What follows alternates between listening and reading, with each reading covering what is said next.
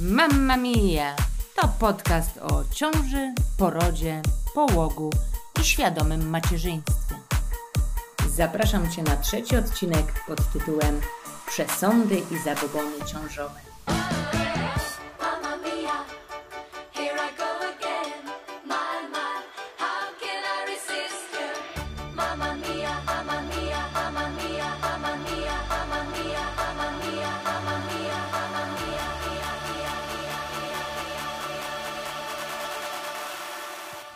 Dzisiaj zdecydowanie bardziej na wesoło, bo będziemy mówić o przesądach i zabobonach ciążowych. Oczywiście, jak wiadomo, wszystkie powstały w efekcie niewiedzy i braku fachowej opieki medycznej. Nasi przodkowie musieli sobie jakoś tłumaczyć rzeczy, których po prostu nie rozumieli, a wydawało im się, że dostrzegają pewne zależności. Naturalnie większość z nich nie ma naukowego i medycznego uzasadnienia, ale nadal są często powtarzane. Oczywiście nic w tym złego, o ile traktujemy je z przymrużeniem oka, jako element ludowych tradycji, nie bierzemy do siebie, no i absolutnie nie traktujemy poważnie. Zacznijmy może od tego, że ciężarnej kobiecie się nie odmawia, bo inaczej zjedzą cię myszy.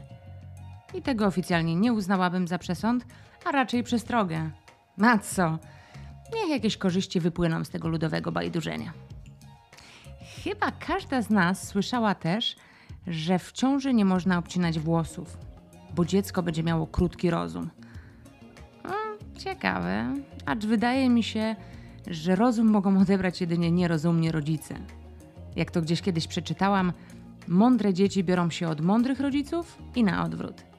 I wcale nie chodzi tutaj o wykształcenie i poziom wiedzy, mm, ale taką inteligencję emocjonalną i zdrowy rozsądek.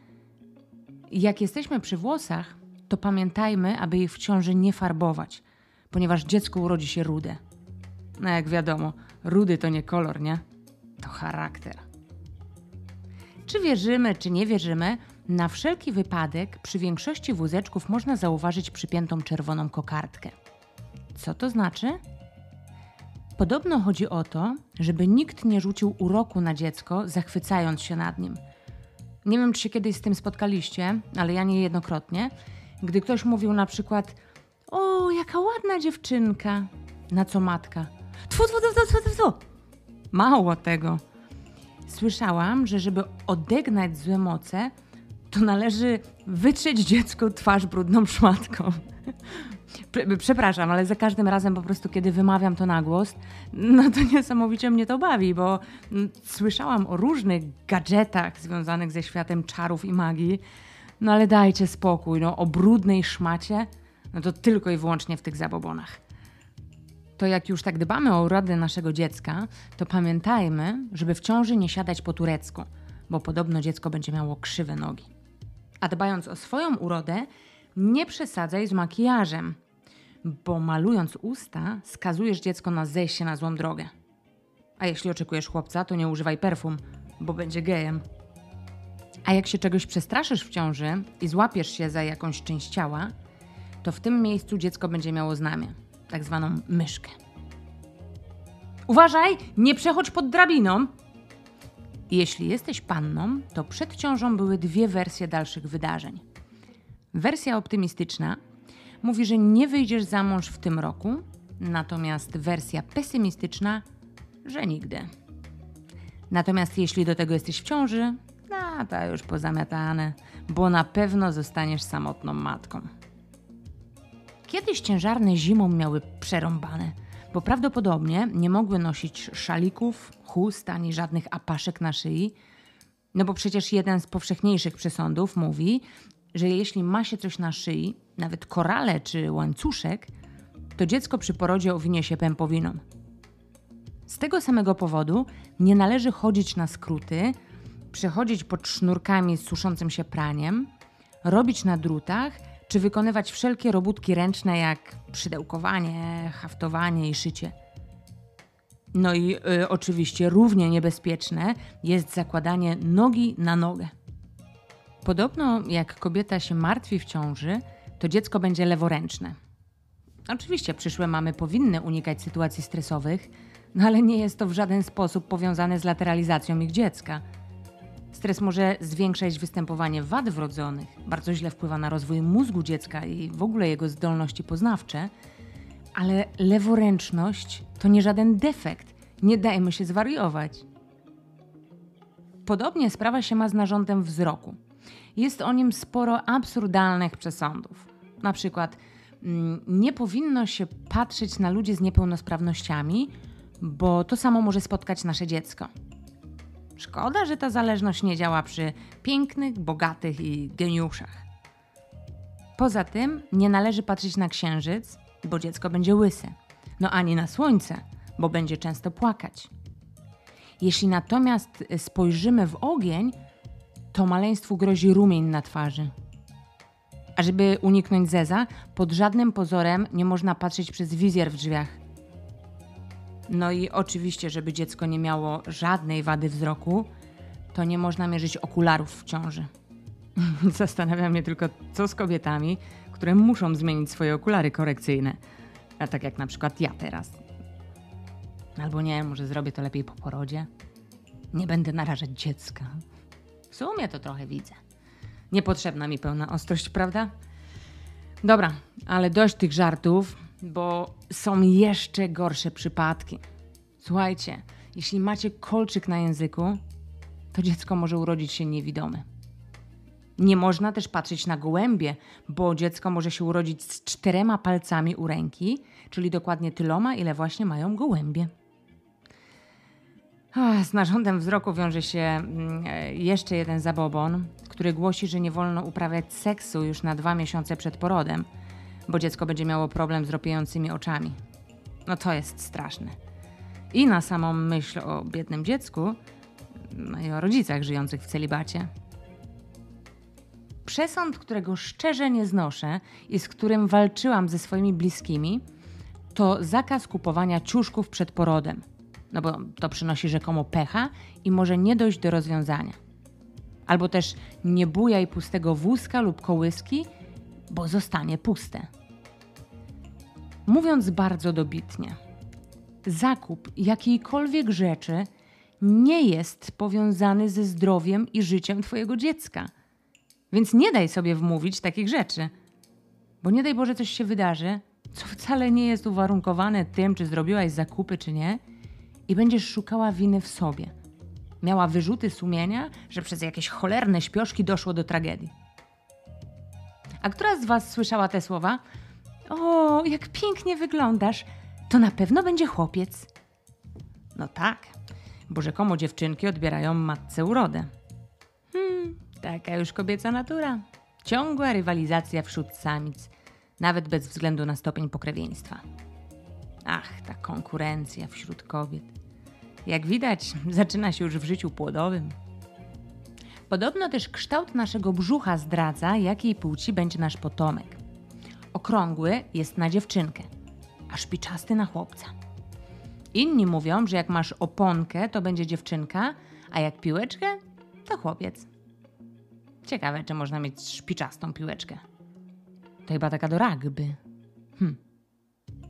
No i oczywiście apetyt. Apetyt na słodkie potrawy wróży urodzenie dziewczynki, a na kwaśne i ostre chłopca. A zgaga wcale nie oznacza, że dziecko się rozpycha i wpycha ci żołądek w przełyk. Tylko po prostu rosną mu włosy. Mój absolutny ulubieniec to, że kobieta w ciąży nie powinna zmywać naczyń, bo jak pochlapie sobie brzuch wodą, to uwaga, dziecko będzie alkoholikiem. Korelacja między tym jest pewnie taka sama jak e, z zaklejaniem sobie pępka i wzrostem przyrostu naturalnego. No ale lepiej dmuchać na zimne, prawda? Ja taką zasadę w domu przyjęłam. Mąż nie protestuje, więc polecam Wam bardzo serdecznie. Z innej zaś porady starszych pokoleń mój małżonek nie byłby tak szczęśliwy, a mianowicie chodzi o to, że przyszła mama nie powinna z nikim dzielić się jedzeniem, bo będzie miała mało pokarmu w piersiach. No jeśli tak się chcą tłumaczyć kobiety, które jedzą za dwóch, a nie dla dwóch, no to okej, niech im będzie. Ale ja i tak wolę uszczęśliwić przyszłego tatę, zostawiając mu nieco dobroci z mojej porcji jedzenia. Nie powinno się również jeść z noża, ani go oblizywać, I wcale nie dlatego, że to nie eleganckie, ale dlatego, że to spowoduje rozszczep w wargu dziecka. W ogóle to sama ciężarna może przynosić zarówno szczęście, jak i pecha. Jeśli staramy się o dziecko, możemy pogłaskać ciężarną po brzuchu, no i liczyć, że mówiąc w cudzysłowie, zarazimy się. Warto też usiąść na miejscu, w którym przed chwilą siedziała ciężarna. To też podobno podbija płodność. Niezbyt dobrym pomysłem jest jednak zaproszenie kobiety w ciąży na wesele, bo podobno taka przynosi tylko ciężar nowożeńcom.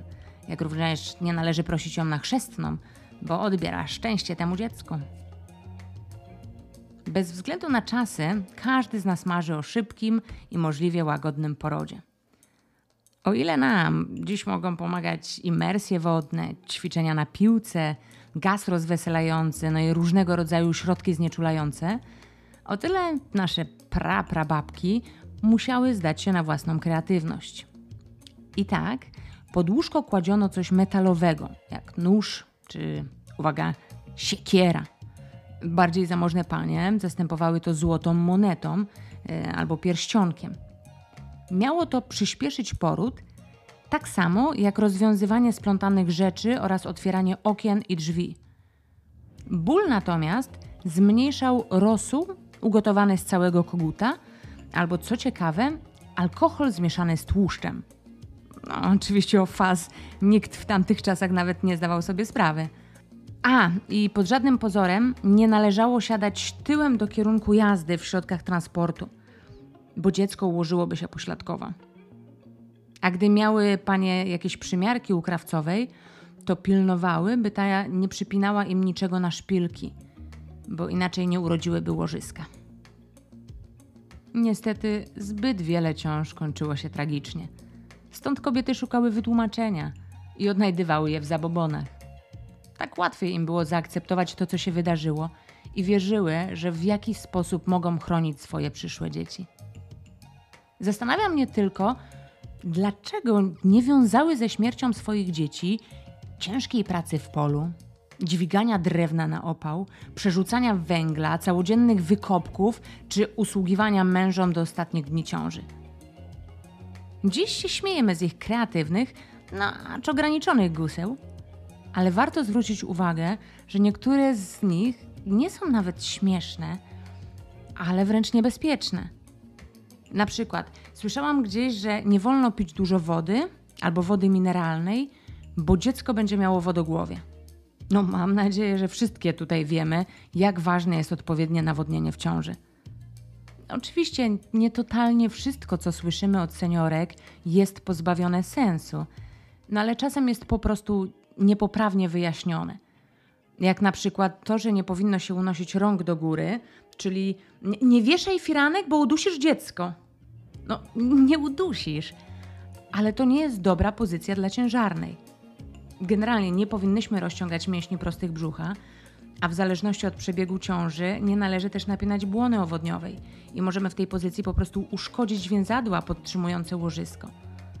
Poza tym chodzi też o sam fakt niebezpieczeństwa, jakie wiąże się z wchodzeniem na drabinę czy krzesło, żeby wykonać te domowe czynności. Wiecie, chwila nieuwagi albo delikatne zakręcenie się w głowie, no i utrata równowagi murowana. Również zakazy przytulania się do zwierząt w takiej formie, jak przekazują nam babcie, czyli nie tul się do niego, bo cała twoja miłość matczyna przejdzie na to zwierzę. No, to jest bez sensu. Ale samo ostrzeżenie już nie. Bo skąd na przykład bierze się zarażenie toksoplazmozą? Albo nie płacz, bo dziecko będzie płaczliwe. No nie przekładajmy tego jeden do jednego, no ale oczywistym jest, że Twój organizm wtedy zaczyna produkować duże ilości kortyzolu, czyli hormonu stresu, który przenika również do krwi Twojego maleństwa i ono też jest niespokojne. Zatem nawet i w zakurzonych zabobonach może być ukryta ludzka mądrość.